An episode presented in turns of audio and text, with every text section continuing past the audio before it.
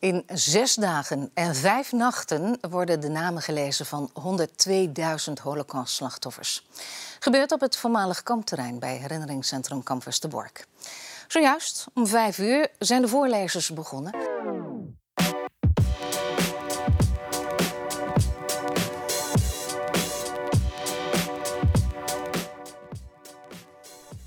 Hey Vincent. Hey, Jens. Zo, daar zijn we weer. Ja, nou, we zijn er weer. We zijn er. eh, Te laat. ja. Ja, misschien moeten we toch maar een keer eh, afstappen van onze eh, belofte dat we iedere twee weken, Ik twee weken podcast zouden zijn. Een onregelmatige podcast. Ja, een onregelmatig verschijnende podcast. Ja. En dan We streven naar twee weken. Twee Ja. wekelijks. steven wel na twee weken. Maar op zich is het... We hebben nu wel een soort leuk verrassingseffect. Dat je toch... kijk je 's ochtends op je podcast en denk je... Hè? Ze zijn er Er weer. is er een aflevering. Ja, maar toch, hè. Voor de binding Ja, met de nee. luisteraars is het beter als ze om de twee weken terugkomen. Commercieel is het funest. Ja. Denk ik. Maar zijn, ik, ben, ik ben niet heel erg commercieel ingesteld hoor. Nee, ja, nee. ik- Ja, ik, ben, echt, wel, ik ben wel fondsenwerver van beroep, maar... Maar ja, we werken eh, privé heel, Heel erg. gescheiden, ja. ja.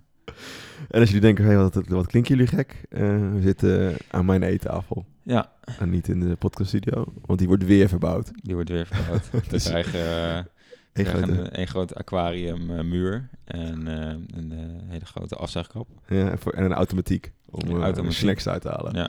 Ken, je, ken je dat nog? Dat is voor onze tijd. Kijk dat nog? Dat is nog steeds toch zo? Ja, maar vroeger heet dat automatiek. Tegenwoordig heet Ja. dat eh Febo. Maar Ja, de muur. leuk, leuk. Nee, maar ik ben niet per se de podcastkamer aan het verbouwen, maar de Ja, verdieping van de podcastkamer aan Het, ja, het, is, eh, het fungeert eh, momenteel meer als opslagruimte voor alle Voor gereedschappen. de zo. Makita. Voor, alle, voor de hele Makita assortiment zou ik wel willen zeggen. Je hebt echt letterlijk alles. Echt? Alles op accu, echt ideaal joh. Ook twee, dat je zo kan wisselen van accu. Ja, ja, ik heb vier accu's. Maar je, had, je hebt Nou, ik heb het niet zelf voor, het is niet van mij. Oh, ja. Maar het wordt wel mooi. Ik zag een fotootje vandaag dat de vloer eruit lag. Ja, Schrok mijn doodje. het is, eh, het is één grote rotzooi. Oké. De, de, Hey, maar eh, de, de badkamer heb je... Kan je nog wel douchen? Ik kan nog wel eh, net douchen. Ik moet over de gipsplaten heen stappen. En dan eh, moet ik een hinkstapsprongetje maken naar de, naar de badkamer. En dan, eh, dat gaat dan net. Maar dat, ja, dat dan ben je gedoucht. En dan stap je met je blote natte voet stap je op de vloer. Zijn ze helemaal wit van de stof. Oh, vreselijk. Maar, alles is ook stoffig, zeg maar. Het is ook gewoon een illusie dat je boven bezig bent. Dat er dan niks naar beneden gaat. Nee, een soort, een soort celspannen. Ja, dus, Doek. ik, dus ik lig denk ik ook gewoon te slapen. Gewoon in een grote stofbed. Ja. Dus, als, ja. ja. Maar goed, straks daar- heb je de... Straks heb je politie van als alles klaar is. Ja, Toch? Jawel, joh. En met- daar betalen we ook allemaal eh, zorgverzekeringen voor. Toch? Voor dat soort dingetjes. Ja. Straks zitten er nog allemaal enge giftige stoffen in dat huis. Ik heb wel een eh, muizennest eh, gevonden. Echt? In het plafond. Oeh. Ja, er zat, nik- er zat niks meer in. Maar Hoe, hoe ziet dat eruit dan? Ja, gewoon allemaal gewoon stukjes krant en gewoon echt een, een, echt een nestje. Oh, vreselijk. Ja. Eh, ik had hier, we hebben hier ook een muis. Maar ik heb hem nu al een paar weken niet meer gezien. Maar Hm. Het is echt mijn... eh, Maar goed, hè, eh, genoeg... eh, sorry, we, we, we dwalen af. Ehm, net in het voorstukje hoorden jullie eh, een stukje van eh, eh, het voorlezen van de namen. Van 102.000 namen in eh, Westerbork. Eh, gisteravond begonnen, klopt dat? Ja. Eh, en dat duurt zes dagen, vijf nachten lang gaan ze alle namen voorlezen van de mensen die gedeporteerd zijn, toch? Vanuit eh, Westerbork? Eh, ja, alle, alle, ja, alle joden die, die gedeporteerd zijn, ja. Ja, vanuit Nederland. Ja. Ja, ja, oké, ja. Dus we, zaten natuurlijk weer een beetje met het onderwerp. Wat moeten we daarmee, daarmee Mee doen? doen? Ja, En toen kwam jij met het nieuws dat er eindelijk eh, eh, vrouwen mee mogen op onderzeeboten. ja. Dat, daar was je heel erg mee bezig, volgens mij. Dat is heugelijk nieuws voor het, jou? eh, ik heb meerdere malen gelezen het laatste bastion van, eh, eh, Van de marine of van van, de... van de mannen in, in, de, in de krijgsmacht. Zeg maar. Uh-huh. Ja, want was- tot nu toe mochten er nooit vrouwen mee op onderzeeboten. Nee, ja, ja, het was vooral gewoon eh, logistiek gewoon allemaal niet zo handig. Je hebt gewoon weinig ruimte. Eh, dus als er dan vrouwen meegaan, dan moet je van alles eh, twee maken, zeg maar. Twee eh, soorten douches, twee, Oh, twee ja. toiletten. Dat is allemaal genderneutraal, joh. Ja, klopt. Ik, volgens mij hebben ze dat nu ook gedaan, hoor. Ah, trouwens. ja, Maar, ja. Dat eh, durf ik niet met zekerheid te zeggen. Maar eh, dan dat, er wordt ook zo heel benadrukt dat, het, eh, dat de krijgsmacht eigen- eigenlijk voor mannen is, zeg maar. En nu hebben ze echt verloren, de mannen. Zo wordt het een beetje gebracht. Echt? Ja, vond ik Nou, wel. Ik, ik las een tweetje van eh, de, de Koninklijke Marine. En ik lees hem even voor. Eh, daar staat dat ze in 2019 heeft de marine onderzocht of in de huidige onderzeeboten met geme- of de huidige onderzeeboten met een gemengde bemanning kunnen varen. Eén jaar lang draaiden vrouwen mee als one of the crew en met succes uitroepteken. Vanwege de positieve ervaringen laat de marine per direct vrouwen toe als bemanning, be- bemanningsleden bij de onderzeedienst. Dus ze zijn er wel. Ja, het is natuurlijk gewoon een goede reclame. Maar goed, eh, dus dit nieuws tussen onderzeeboten en... eh, eh, nou, we zitten natuurlijk midden in 50 jaar bevrijd. We hebben al een keer eerder een aflevering gemaakt over eh, Major Leo. Ja, Leo Major. Ja, en we dachten, we gaan daar maar verder mee. We gaan iets doen met Engelandvaarders, hè? onderzeeboot Engelandvaarders. En je, je snapt hem wel. Ja, ja. En toen kwamen we uit bij, bij deze vrouw, Beb Turksma. Pep Turksma. Nog niet, nog niet heel veel over vertellen. We, we doen alvast een uh, teasertje. Maar dat is een van de, een van de weinige vrouwen die eh, naar, naar Engeland is gegaan tijdens de we- Tweede Wereldoorlog. Nou, straks leggen we meer uit over wat nou precies een Engelandvader is. En wat haar verhaal zo bijzonder maakt. Maar eerst is het nog, eh, hoe waren jouw historische weken? Twee weken. historische weken. Heb je, ja, het, zijn, het is twee weken geleden ongeveer iets meer. Ja, ja klopt. Nog iets, eh, Eh, is er nog iets opgevallen? Is er hoop gebeurd in Nederland en in de wereld? Er gebeurt altijd een open Ja, want volgens mij de laatste weken, impeachment, Iran. eh, Ja. Het is, eh, we staan op de rand van, eh, van een derde wereldoorlog, heb ik gelezen. Ja, is berekend ja, in de krant. Ja, dus de data zegt het. En als de data zegt, dan is het waar. Ja. Oh ja, de data. Ik als in, als in de data, de datums. Nee, Nee, de data, de, ja. de, de, Even kort ge- uitleggen. De gegevens. Ja, er was, er was een, een, er is een, een historicus die eh, heeft allerlei, of de, de vorige twee wereldoorlogen in allerlei modellen gegoten en alle aanleidingen daarvoor in een model gegoten. En hij zegt, eh, dat is, uit dat model komt dat in 2020 eh, de derde wereldoorlog moet starten. Ja, want hij heeft gekeken naar voorgaande oorlogen waar meerdere mogendheden, wereldmogendheden bij betrokken waren. En, en, en, en die periode die toen leidde tot oorlogen, die, eh, die ziet hij nu weer eh, terugkomen de afgelopen decennia. En eh, nu zal dat dit jaar moeten uitmonden uiteindelijk. Nou, dit hebben, deze zulke lineaire geschiedschrijving hebben wij, heb ik tenminste altijd afgeleerd. Ik, mijn nekharen gingen recht overeind staan hoor, toen, Ja? ik, toen ik het las. dacht, nou, wat, is- wat, eh, waarom Het is wel een leuke, doen? leuke innovatieve manier van kijken. Maar het is natuurlijk een beetje gek om allerlei data uit verschillende gebeurtenissen te halen en daaruit een soort model. Ik, nou goed, ik, eh, Tuurlijk. het wordt, er wordt ook niet uitgelegd in het artikel hoe het precies werkt, maar het wordt gewoon wel uitgelegd. En dat is best wel een leuke zienswijze, vind ik. Jawel, het, is, het, is, eh, het, het draagt sowieso bij aan, eh, aan de overige, eh, eh, hoe heet dat? Historiografie die daarover geschreven is. Maar Maar ja, of dan echt in 2020. voor jou, eh, voor jou is het natuurlijk extra erg. Stel dat dat zou gebeuren, Ja, oh, eigenlijk. Ja, voor mij is dat heel heftig, ja.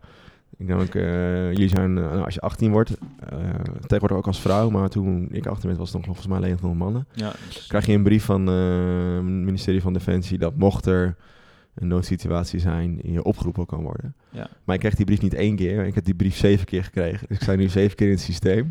Dus mocht ik straks op appel moeten komen, dan hoor ik zeven keer mijn naam. je uit tot je AOW in de, in de oorlog. Zit ik met, met zeven rens op een, in een onderzeeboot. Is erg lastig. Dus ja, nee, eh, liever niet. Nee, ik... eh, Want we hebben dus dienstplicht in Nederland. Hè? Dat is eigenlijk wel een eh, veelgemaakte fout. Maar hij is alleen opgeschort, zeg maar. Je, je bent dienst, je, ja, er is dienstplicht, je hoeft alleen niet te komen. Nee. En hoe mooi zou het zijn, hè? Ja, dat ik zeven... Ik krijg ook zeven van die playerzakken en zo. Zeven, zeven wapens. Deze soort Steven Seagal eh, loop jij daar... daar. Ja, Nee, maar goed, wij, wij moeten dan helemaal niet gaan vechten, denk ik hoor. Dat wordt alleen maar eh, zandzakken dragen, koffie zetten, gewoon al dat soort dingen. denk het wel, ja. Ten, Wapens, tenzij eh, de, de Chinezen komen, dan, dan eh, hebben ze iedereen, iedereen nodig. Maar Tenzij ze heel veel geld nodig hebben. Dan kunnen ze natuurlijk Maar maar inzetten als de, defensief fonds het is werven. eigenlijk wel grappig. Dan gaan we er eigenlijk al vanuit dat de derde wereldoorlog toch nog een fysieke strijd wordt. Oh misschien ja. is ja het misschien is het wel... drones, computers, virussen. Schijnt al wel, ja, ja. Dat verhaal over dat er dan nu gaan dus heet, de soldaten naar Litouwen toe, naar de grens. Eh, om daar een soort van... Dus VN-troepen, dus eh, Nederland, Duitsland en zo. Gaan ze er gewoon een beetje heen NAVO. eh, NAVO. Ja, NAVO, sorry. Ja. Heel goed, dankjewel. Ehm eh, maar daar wordt dus eigenlijk ook gewoon een soort al digitale oorlogsvoering gedaan. En ook een soort van mentale oorlogsvoering. Dus gewoon meer dat je daar bent. Maar bijvoorbeeld Nederlandse soldaten moeten ook allemaal hun simkaart en zo inleveren. Want En toen in, de eerste eh tranche, laat me zeggen, van soldaten die naartoe gingen naar Litouwen, die hadden allemaal hun eigen smartphone nog mee. Eh, en dan werden, werd er gewoon opeens, terwijl zij in Litouwen zaten, werd hun, werd hun familie of hun vriendin of vrouw of een man of eh, weet ik veel gebeld door een Russisch nummer. Ze zitten gewoon alles daaruit te peilen en eh, ze kunnen je gewoon, eh, gewoon hacken. dus dat is wel inderdaad. Toch grappig. Ja, ik las daar. eh, ik, ik was eh, nu laatst begonnen in dat eh, nieuwe boek van Geert Mak van In Europa, die eh, nieuwe Mhm. editie. En daar heeft hij het over ook eh, over Kirkenes. Dat is, eh, ik hoop dat ik het goed uitspreek trouwens, maar Ja. dat is helemaal het noorden van Noorwegen, op het eh, puntje waar Zweden, Noorwegen en Rusland en Finland helemaal bij elkaar komen. En daar schijnt dus ook elk, elke in de zoveel tijd een, een groot tankerschip van de NAVO aan te meren. waar niemand iets van weet, waar niemand iets van mag weten, waar ze allemaal iets met data. Echt? ja. Maar er zijn wel gewoon plaatjes van, je kunt het, dat schip gewoon zien. Maar Ik, heb het, eh, ja, ik heb het niet, nog niet opgezocht of zo, maar... Oh, grappig. Ja. Maar dat was jouw historische, wat daar hadden we het over. Historische. Ja, eh, nee, eh, ik ben nog naar de film geweest, daar wil ik nog wel even over hebben. Over die nieuwe film eh 1917. 1917. Daar heb ik 1917. hele goede verhalen over, ja. Het is echt, echt, echt fantastisch. Ik, zou- ik wilde eigenlijk nog wel een keer naartoe, denk ik. Nou, misschien ja, wil, je, wil je anders met mij gaan? Ja, ik weet niet. Ja. Ik, ik Nou, eet altijd heel uh, luidruchtig in de film. Met de popcorn Er zo. was straks chips mee gewoon. Ja. Nee, maar het is eh, wat, wat sowieso leuk is aan die film, is dat hij in één, eh, in één take is, eh, is opgenomen. Dus je gaat echt op, op een soort missie mee met, met twee soldaten. En je bent gewoon constant eigenlijk één van, van hen. En ja, het is in één take opgenomen, dus het is echt heel, ja, heel vet. Ja, ja, ik zag echt, die make-up zag er echt ook te ziek uit met dat licht en zo. Dat ze allemaal Ja. maquettes hadden nagebouwd om te kijken hoe het licht viel. En, Ja. En vet. voor de rest eh, ja, wil ik ook niet veel eh, te veel over spoilen. Nee, dat is oké. Maar gaan dus. Maar iedereen moet dat eh, sowieso kijken. Misschien Leuk. wel een van de beste oorlogsfilms, zeker Oh. van de afgelopen tijd. Oké. We hebben nog een keer zo'n lijstje gehad online, hè? Op Instagram. Onze favoriete oorlogsfilms. Ah ja, met, in het kader van de... ehm, ik weet niet meer. maar- Nee, ik weet het ook niet meer, maar kun je... Eindexamen podcast misschien. Nee. Nee, later. Staat hij er gewoon in onze stories opgeslagen. Kun je Ja. terugvinden. Dus wil je filmtips hebben het wordt over de Tweede Wereldoorlog? Ja. Staat voor mij bijvoorbeeld is uh, Snuf de Hond. Hele leuke Oh, eh, Snuf de hond. Ja. oorlogsfilm. maar goed, dat terzijde. ja. Oké. Oh ja, eh, ja, zal ik ook even mijn historische... ver- Want je vraagt er niet na. Ik zit een beetje te wachten dat je dat gaat vragen, maar je doet het niet. Dus dan vertel ik hem over. Eh, nou, we hadden het dus net over de Derde Wereldoorlog. Maar even, hoe was jouw eh, historische week eigenlijk? Ja, ik heb niet echt wat. Ik, ik viel- het viel me gewoon heel erg op. En het is ook wel um, weer eh, wat langer geleden, anderhalve week geleden. Zo is het misschien niet heel, heel erg relevant meer. Maar eh, ik wil het toch even hebben over de... Niet over de Derde Wereldoorlog, maar over de talkshow-oorlog. Oh ja, leuk. Eh, ik kijk zelf nooit eigenlijk naar, naar die talkshows, maar het was echt bizar. Er, was, was een soort enorme spanning tussen Amerika en Iran. In Nederland ging het alleen maar over wie er meer kijkcijfers had. Op één of eh, in Jinek. Of Jinek. En daarna ging het over wie de grootste tafel had en wat nou de gezelligste studio was. En eh, Ja. elke ochtend was er op eh, Goedemorgen, heet dat? Goedemorgen Nederland, WNL. Ik kijk altijd als ik ontbijten ben. Eh, was een soort lofzang voor op één dat ze het zo go- zo goed hadden gedaan en waarom. En ze hadden waren weer gestegen in de kijkcijfers. En Jinek was weer. Eh, had, weer minder, minder ja. kijkcijfers. En eh, nou, op één was nog eerder begonnen om eh 16 over 22 en 42 seconden. En toen was Jinek weer eerder begonnen. En oh, wat spannend. Maar jij kijkt dus wel eens, toch? Zulke, zulke tele televisie. Zulke televisie. Ik, vroeger keek ik dan nog wel, ja. Nu moet ik altijd werken en dus dan lig ik al op bed. Nou ja. Maar het is niet wat vroeger begonnen, hè? Dus, Ja, klopt. Nee, ik kan nu eigenlijk ook wel kijken, hoor. Nee, maar ik heb het wel een paar keer gezien. Maar wat, wa- wat, waarom kijk je dat? Daar vraag ik, als ik dat vragen mag. Waarom ik dat kijk? ehm, Want het is wel anders dan de wereld daardoor bijvoorbeeld. Ik, de wereld daardoor vind ik nog wel leuk om te kijken soms. Eh, ik heb het trouwens wel één keer gezien. En er zaten weer, dus, weer dat van die filmpjes. Dat ze dan eh, van die filmpjes gaan voorlezen. ja, dat, maar dat is gewoon het format. Dat, Ja, dat, dat- wil- dat- willen, de mensen willen dat. Maar het, was, het, waren, al- ze waren allemaal niet grappig. Het is En brood en spelen voor de massa. Dat is Ja. wat het is. promenade, dat is leuk. Dat, dat is echt heel leuk. Daar maak ik ze gehakt van. Ja. Op een cynische manier. Dat vind ik leuk. Maar goed. Dat vind ik Hè? ook leuk.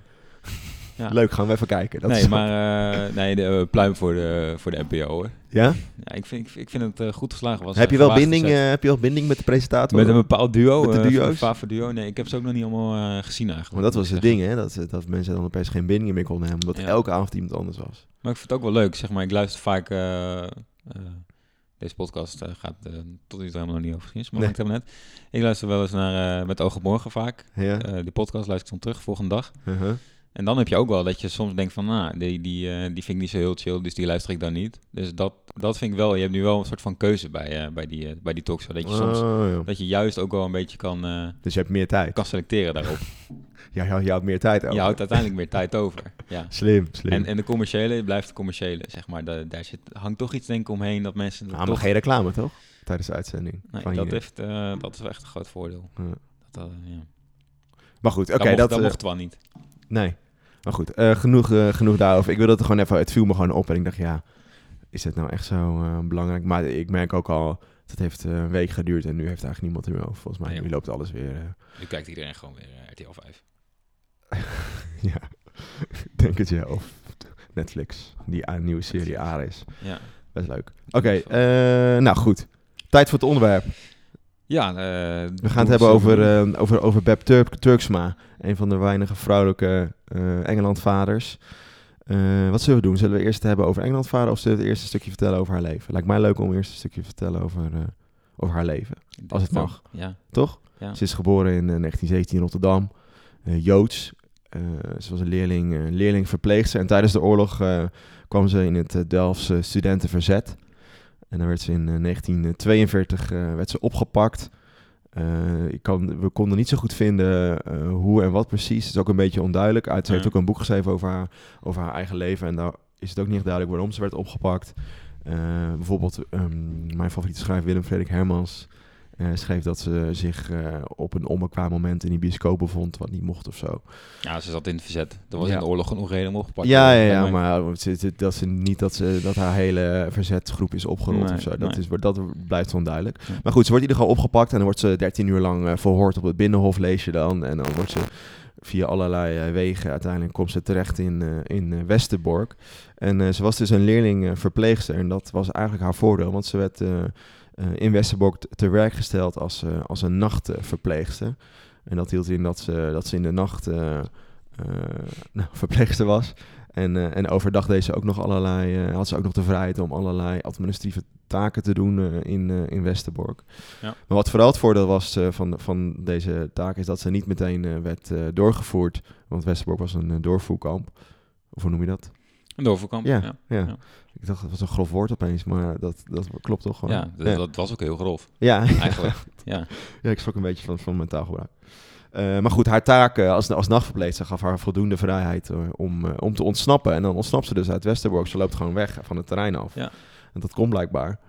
En, Ja, en ze- ik, ik- vind dat daar makkelijk over geschreven wordt, maar ik zie het nog, toch nog niet helemaal voor, moet ik zeggen. nee, dat ze, omdat ze verpleegd was, zo makkelijk duidelijk. Maar goed, het was, eh, het was blijkbaar heel makkelijk. ja. En, eh, en eh, toen begon haar, haar reis eigenlijk. ja, haar hele lange reis, ja.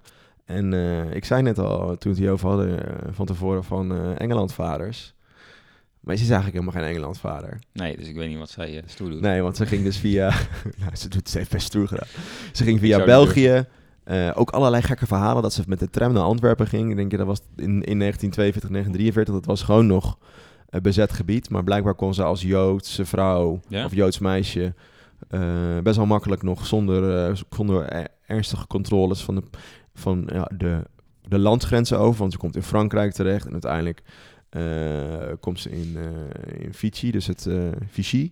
Vichy Frankrijk. Ja, dus Ja. dat is het, eh, het, het onafhankelijke deel van Frankrijk. Nou toch? ja, onafhankelijk, onafhankelijk. Ja, maar goed, dat, er was niet de Duitse bezetter aan, eh, maar eh, een aparte Ja. soort regering. Dat, Petain was daar eh, de premier, de, de grote held van de Eerste Wereldoorlog. Die eh veldmaarschalk en die nam het laatste deel van de Eerste Wereldoorlog heeft hij op be- bevel van het Franse leger overgenomen.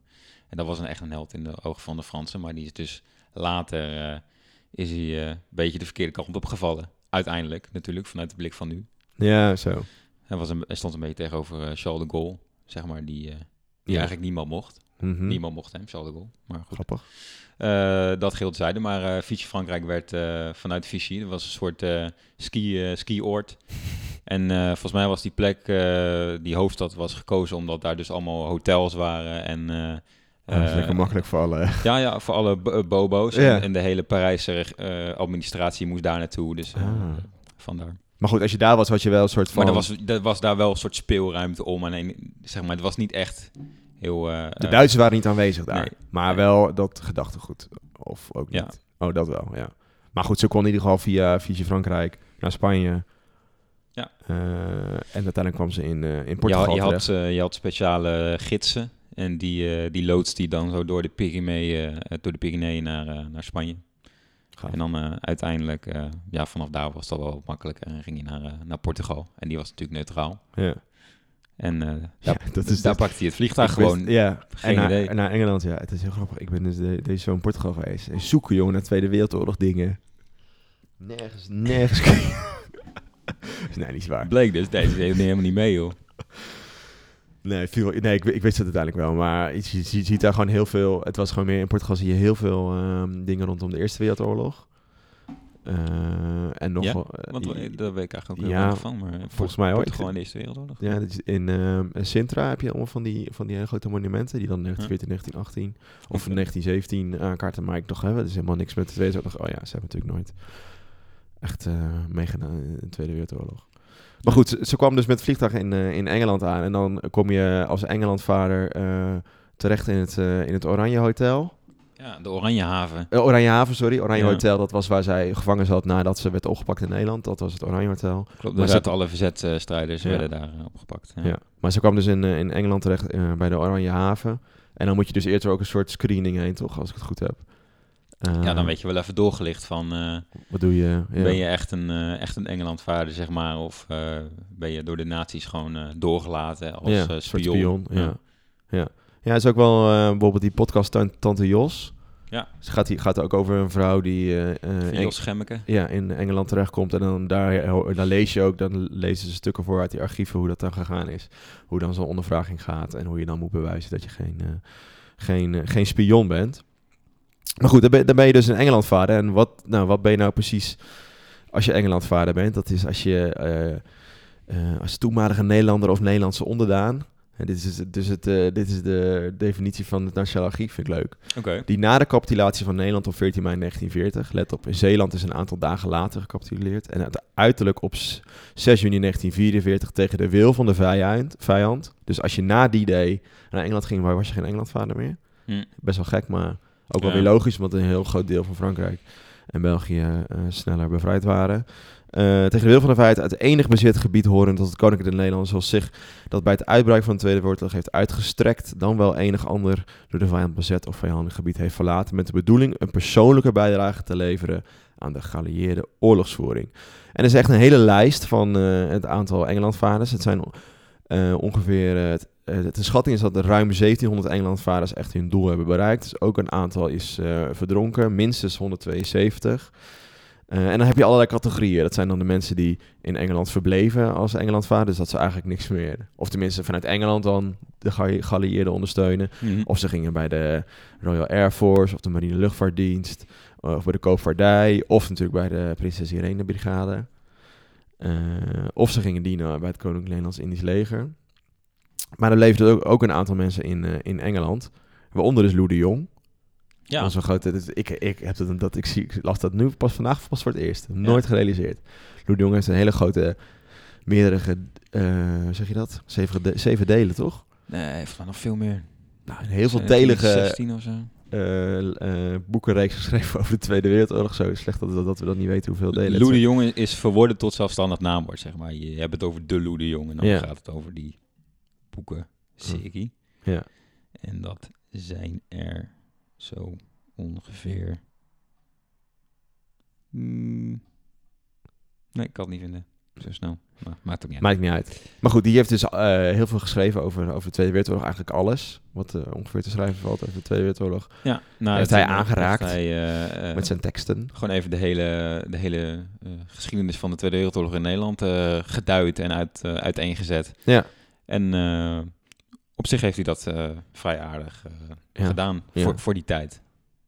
Zeker. Ja, hij was ook hoofd van het, eh van het NIOT hè, toen. Ja. De RIOT eigenlijk toen nog. Mhm.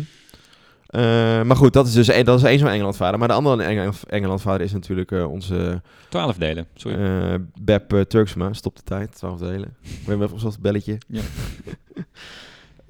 Maar wat ging zij doen toen zij in Nederland was?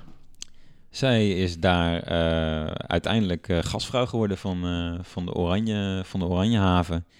Dus als jij door de, door, onder de prikkeldraad was doorgekropen tussen de, heet dat, Nederland en België. Uiteindelijk de demarcatielijn naar Vichy Frankrijk was overgestoken met vliegtuig naar Portugal. kwam je daar, als Engelandvaarder kwam je daar in de handen van, Van Beb. van Beb. kopje koffie van Kopje Beb. koffie van Beb. Eén koekje maar. Ja. Karig koekje. Ja, maar grappig toch? Maar dat zij is dus niet eh, uiteindelijk eh, ingezet voor iets of zo. Nee, nee. Misschien niet geschikt eh, voor... Ik weet, Ik weet nog niet hoe dat, Ja. hoe dat gegaan is, maar ja, ik zou Want, persoonlijk wel van balen. Stiekem. Ja, Ja, ik weet ook niet. Nou, ja, zien als je het je, zelf en je bent eindelijk weg, dan moet je weer terug. dat is waar. ook vervelend. Ja, ja, als je bijvoorbeeld Maar dat, net zoals wat, je, wat je net zei, die podcast over Jos, Remmeke, ja, die werd gewoon gedropt, ge- geparachute- geparachuteerd. Ja, die moest is. gevaarlijke dingen doen. Dus ja, dat, maar goed, dat is, dat, dat is het verschil van, eh, tussen sommige Engelandvaarders. En wat is natuurlijk de bekendste Engelandvaarder is eh Soldaat van Oranje. Is uh, Rutger Hauer, hè? Maar goed, hey, dit, is, eh, dit is een beetje haar, haar ehm, eh, oorlogsverhaal. En dat is eigenlijk best wel, best wel kort, toch? Er is weinig, niet zoveel over bekend. Nee. Eh, maar goed, er is nog heel veel gebeurd na de oorlog. En daar, wil ik- daar laten we het daar, eh, daar straks over hebben. Maar eh, misschien is het tijd om even weer naar onze quiz te gaan. Yes.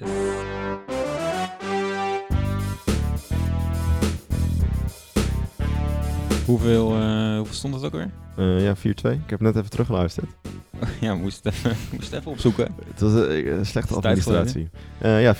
Ik, ja, dikke voorsprong voor Rens. Ja, nou ja, je, je mag best weten dat ik daar enorm van baal. Jij wilde ook bijna stoppen met de podcast, toch? Klopt. Eigenlijk zouden we twee weken geleden alweer weer opnemen. Maar je was nog niet, was er nog niet helemaal even, ik over. had even tijd nodig. Maar extra, extra knap dat je er nu weer bent. Ja, dat je helemaal nu wel, naar, mij bent toegekomen met je podcast spullen. Ja, man. Maar goed, eh, ja, quiz. Eh, wat, eh, zal ik een nummertje noemen dat jij een vraagje voorleest? Ja, joh, best joh. Dan doen we het straks andersom. Ja. Oké, nou. Eh, tot hoeveel gaat? eh? Tot eh 25. Oké, dan eh, doe ik ehm 12. 12. Vraag 12. Spannend. Ik dacht, wat gaat nu komen, joh?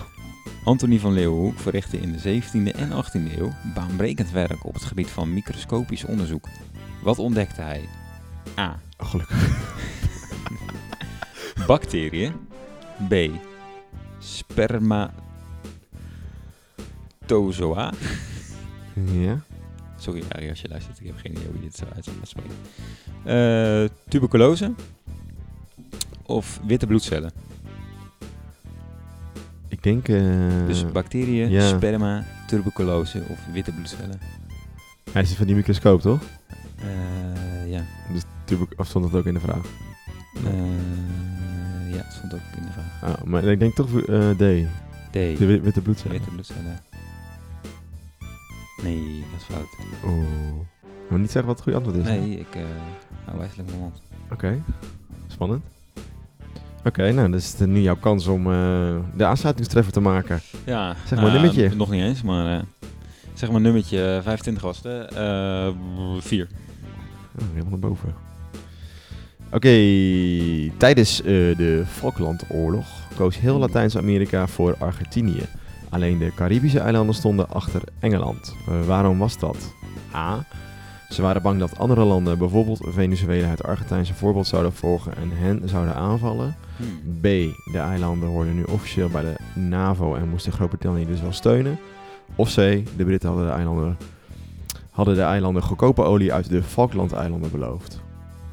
Dus Oeh. is het A. een soort eigen defensieargument? Ja. Of is het B. een soort eh, eigen defensieargument? Of is het C. een economisch argument? Is het geld? Vaak is het geld. Ja, Ik vind het... eh, het zijn alle drie hele goede redenen voor de Cariben om, om, eh, om het niet te doen. Eh, Lullig. Ik weet het niet. Dus ik ga voor antwoord...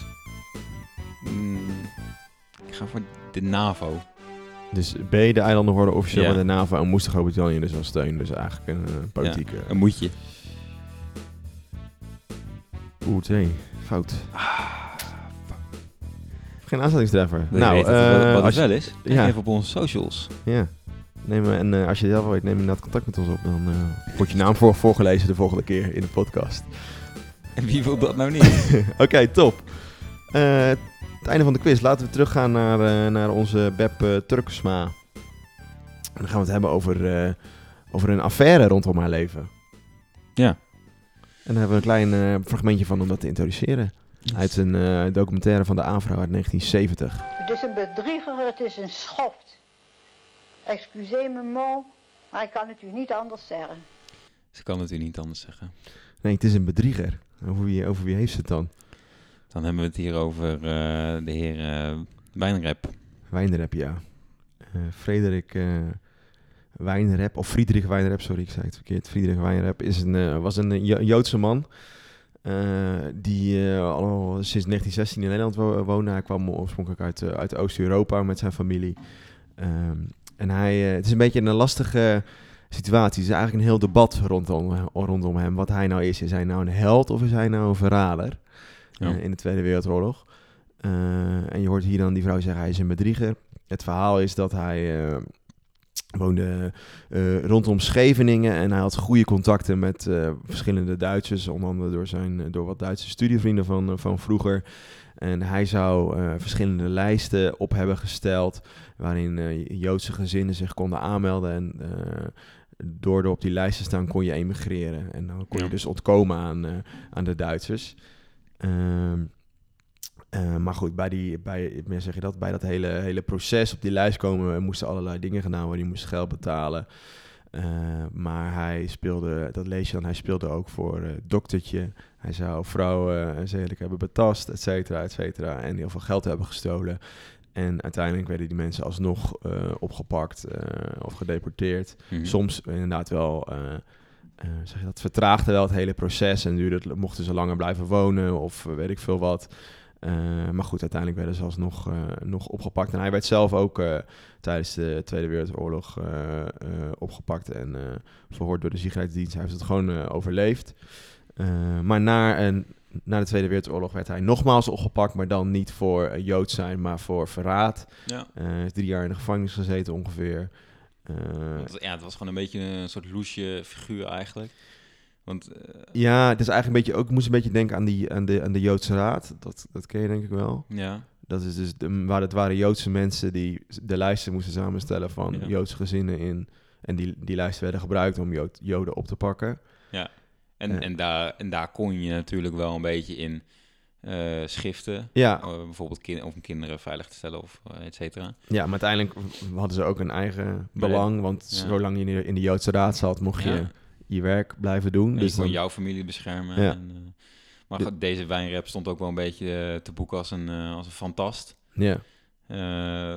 hij studeerde dus eerst aan, de, aan de universiteit. Uh, en hij was aan het promoveren, maar dat uh, zijn, uh, hoe noem je dat, zijn doctoraal, zijn doctoraal scriptie heeft hij nooit ingeleverd. Want de ene keer was het verbrand, de andere keer was het gestolen, vertelde hij tegen zijn promotor. en, en die lijsten waar je het net over had, die, die bleken dus ook helemaal niet te, te, bestaan. Van, van zijn hand in ieder geval. Zeg maar, nee. ze bestonden wel. En hij dacht, oh dat is goed idee, ga ik ook doen. Ja. Dat, dat vertelde hij. Ja. Maar dat, uh... Nee, en hij zou ook een handtekening, handtekening hebben van een Duitse uh, hoge geplaatste, maar die Duitse, die Duitse man die bestond helemaal niet. Uh, maar goed, dus op die manier kwam hij kwam wel aan geld dus. En, ja, en, dus het is ook niet gek dat na de oorlog een beetje alles in twijfel werd getrokken. Ja, maar goed, wat heeft dit nou te maken met, met onze Beb, onze Beb Turksma? hij schrijft op een gegeven moment een boek. In 1969 schrijft hij de driedelige oorlog, zijn driedelige oorlogsmemoir, collaboratie en, uh, en verzet. En daarin zegt hij telkens dat uh, hij is opgepakt uh, in, de, in de Tweede Wereldoorlog, dus rond 1942, door het toedoen van Beb Turks. Maar zij zou hem verraden hebben, de, deze, deze wijnrap. Ja. want twee dagen daarvoor is, is Beb Turksma opgepakt. zoals we net al gehoord hebben, is ze 13, lang, 13 uur lang overhoord op het verhoord, overhoord. Ja, zat in de SO. Alle hoofdsteden van Europa.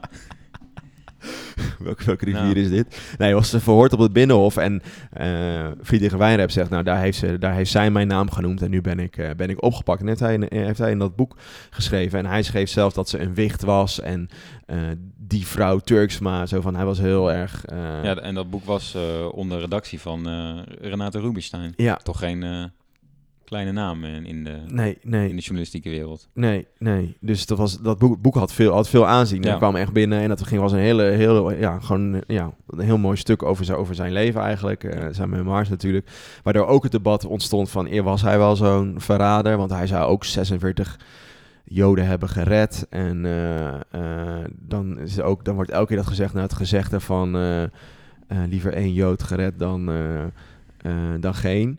Dat, Mhm. zou dan door, dat zou dan vanuit zijn leven, weet ik veel, vanuit zijn levenservaring gekomen zijn. En nu wel bekend zijn. Nou, ik ken het niet, maar dat lees je dan elke keer overal. Dus dat is wel een beetje, eh, zeg je dat, eh, apart. eh, hoe, de, hoe dat debat gegaan is. Maar misschien nog wat des te interessanter was dat, ehm, eh, dat hij dus Turksma noemt. En dat dat zo, juist zo'n heel eh, debat veroorzaakt met onder andere Willem Frederik Hermans. En dan zie je een soort heel inte- intellectueel debat rond Ja. 1970, die dan in de Groen Amsterdam en Vrij Nederland werden uitgevochten eh, met elkaar. En dat eh, Renate Rubinstein dan ook in debat ging met, met Willem Frederik Hermans Ja. op de Universiteit van Groningen. En dat Ja. Turksma dan in de zaal zat en zegt, nou, ik heb hem nooit ontmoet, zei ze. En, en zij eiste excuses van Renate Rubinstein en die wilde daar allemaal niks van Nee, want zij, die, de Rubinstein zou gezien hebben, die verklaring hebben gelezen van Turksma, Ja. dat, hij, dat zij... Ja. eh, maar goed, dat is, dat is nooit, nooit achterhaald. En ze is ook nooit... eh, eh, eh, hoe zeg je dat? Wijnrappen is nooit van zwegen smaad of iets. eh, Nee, want heet dat, Turksma heeft hem nog wel aangeklaagd wegens laster. ja, oh ja, dat wordt. Ehm, maar dat is nooit, daar is nooit iets van gekomen eigenlijk. Alleen is het, het RIOT toen de tijd Mhm. heeft een, heeft een onderzoek gestart naar, eigenlijk naar deze geschiedenis. En heeft toen wel eh, vastgesteld dat, eh dat Turksma het wel bij het rechte eind had. Of, Ja. of althans dat Wijnrep niet eh, eigenlijk dat had kunnen zeggen en mogen zeggen. Ja, ja.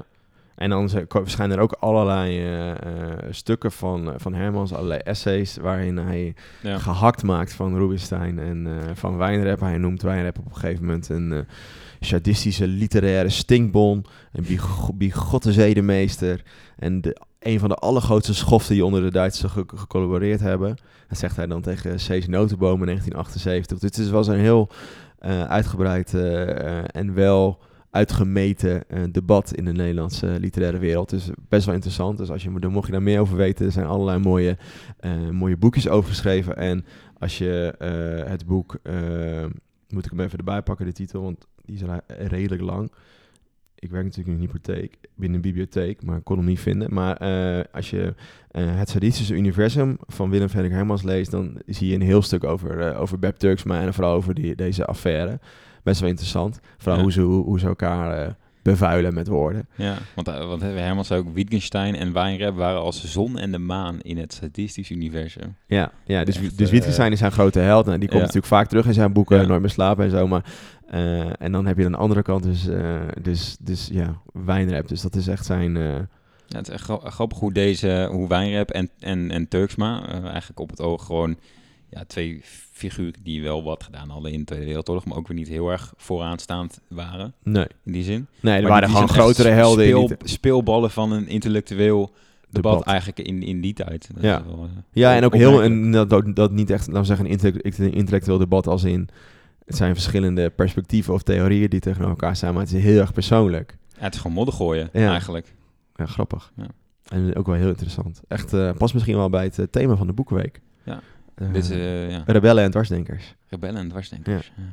En Maar, dit, is- dit is eh, eigenlijk een stukje, stukje verdieping. Hè? Als je hier meer over weet, moet je vooral opzoeken over, dit, over de wijnrijp-affaire. Het smakelijk is het. Heel smakelijk. Ja, Smakelijk gewoon smakelijk om te lezen, ja. Eh, maar dat, dat had ook een positieve kant voor, eh, voor Turksma. Want ze had al, eh, al tien jaar geleden, dus we hebben het nu over rond 1970. Ze had al in de jaren 60, begin jaren 60, had ze al haar memoirs geschreven. Dus een boek over haar leven. Maar had ze nooit echt uitgebracht, want er was er niet echt behoefte aan. Dus dat laat ook wel zien hoe, in, hoe, ja, in Mm. hoeverre haar leven nou interessant was in die tijd voor de Nederlandse uitgeverijs, uitgeverijenwereld. Eh, en later, aan het eind van de jaren 60, dus rond 1968, 1969, had ze zelfs gezegd van dat het eigenlijk ook niet goed genoeg was voor een boek. Maar door deze hele affaire eh, eh, had ze opeens wel een uitgever die, die geïnteresseerd was in haar boek. En in 1971 verscheen dan ook, ook haar boek over haar hele leven. En daardoor weten we ook meer over wat ze precies gedaan heeft in Engeland. Dus dat ze dus in het Koningshuis bij- ja, voor Wilhelmina ging werken voor, het oranje, voor de Oranje Haven. Wat ze daar precies deed. Ja. Eh, maar nog steeds ook heel veel vraagtekens. Vraagtekens. En uiteindelijk, na de oorlog is zij, heeft ze een soort eigen eh stoffenschool heeft ze opgericht. Ja, ze is Eh. eerst nog eh secretares geweest op een aantal ambassades. Ja, in, in, voor de onder andere de rubber, eh, rubberhandel in Indonesië en dat Ja. soort dingen. En toen is ze zelfs in gedacht, Peru. ja, in Peru, dat heeft ze een heel onderwijssysteem helpen opzetten, die ze ook weer in Nederland eh, heeft eh, teruggebracht. Eh, maar het, het was zelfs zo, op een gegeven moment in 19, rond 1968 dacht- dachten mensen ook dat ze, dat ze dood was. Dus toen dat hele begin van Ja. die wijnrap Grappig. affaire, dat dacht iedereen ook dat zij, dat zij dood was, want niemand had meer van haar gehoord. Dus ze was echt helemaal verdwenen in de vergetelheid. Ja. Eh, maar door de, deze, deze, deze man die, die haar zo eh, betichtte van verraad, van, collo- van collaboratie, is ze weer helemaal, was ze weer helemaal back on track. En werd ze uiteindelijk de, inderdaad de, de stoffen haute couture koningin van Baren. Ja. en daarna eh, is ze overleden in, eh, in Antwerpen. Ja, Maar dat was haar Ja, verhaal. zeker rond. Nou, bedankt Vincent dat je hier naartoe wilde komen. Leuk om het een keer te doen. Ja, nee, eh, het, is, ja, het is een klein stukje fietsen, maar Nee, maar je bent toch- graag Je over. bent met de auto. Nog steeds een klein stukje fietsen. Vijf euro per keer geld. Ja. Nee, bedankt voor het luisteren. En eh, over twee weken zijn we weer terug. Ja, Met een, eh, nieuw, met een nieuw onderwerp. Tjus. later.